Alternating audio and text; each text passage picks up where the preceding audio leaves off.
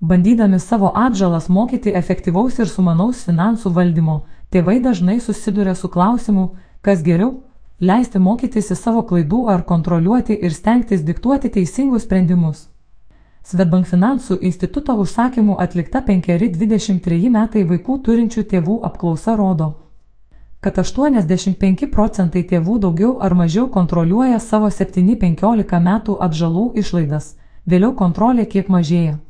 Vaikų finansinio raštingumo ugdyme vieno visiems tinkančio recepto ieškoti nereikėtų.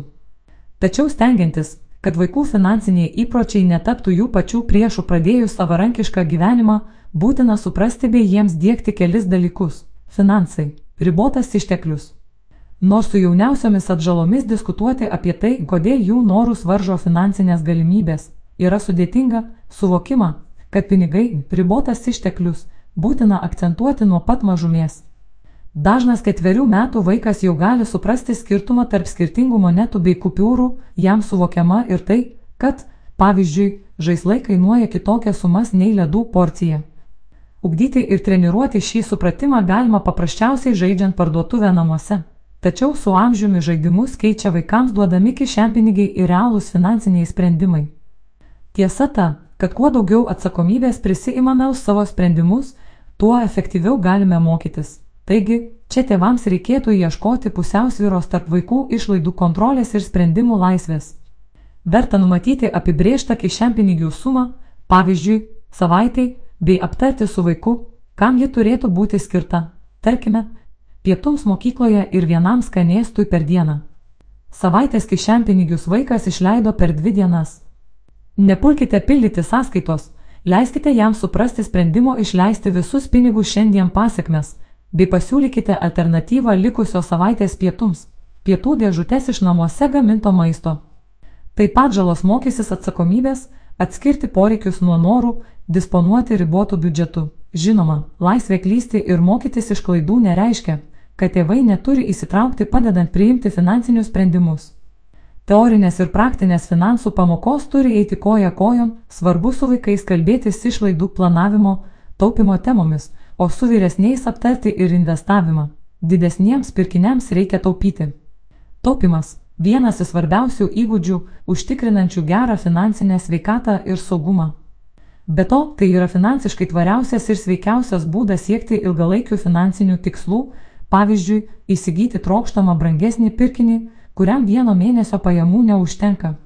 Nuo vaikystės keliamas klausimas, ar gautus pinigus išleisti šiandienos, ar ateities poreikiams tenkinti, formuos įprotį apsvarstyti, galbūt naudinga yra neišleisti visų pinigų ir taupyti.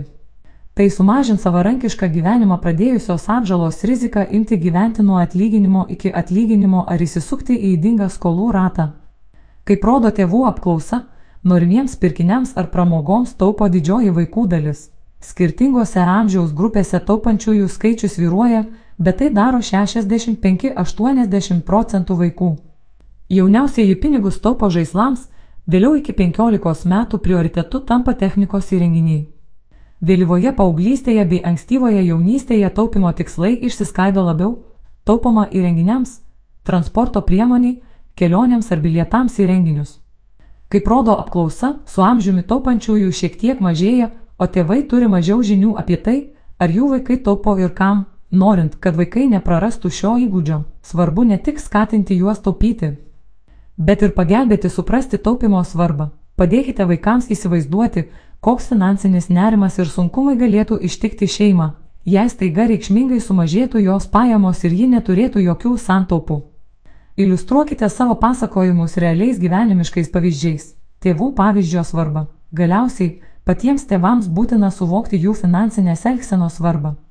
Vaikai požiūrio į įvairias gyvenimo sritis, elgesio ir bendravimo su kitais žmonėms, o taip pat ir finansinės elgsenos, mokosi iš tėvų.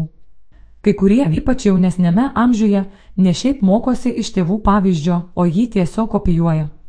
Taigi, jei tėvų finansinė elgsena prieštaraus tam, ką bandoma ugdyti vaikams, juos bus sunku įtikinti su finansais elgtis tvariai ir teisingai. Ir priešingai, jei tėvų finansinė elgsena tvari, Namuose stengiamasi paisyti biudžeto, peržiūrėti išlaidas, taupyti ir ateities poreikiams. Tai tik palengvins vaikų finansinę edukaciją. Tačiau į vaikų finansinę edukaciją galima pažiūrėti ir per galimybės patiems tėvams patobulinti finansinę elgseną prizmę. Jei iki šiol nebuvote sudarę šeimos mėnesio biudžeto lentelės, sudarykite ją draugė su vaikais. Nusimatykite taupimo tikslą, kuris būtų aktualus visai šeimai, sudarykite taupimo planą ir draugė sekite, kaip pavyksta jo siekti. Jausmas, kad finansus pavyksta valdyti geriau ir gebate pasiekti finansinių tikslų, bus labai apdovanojantis.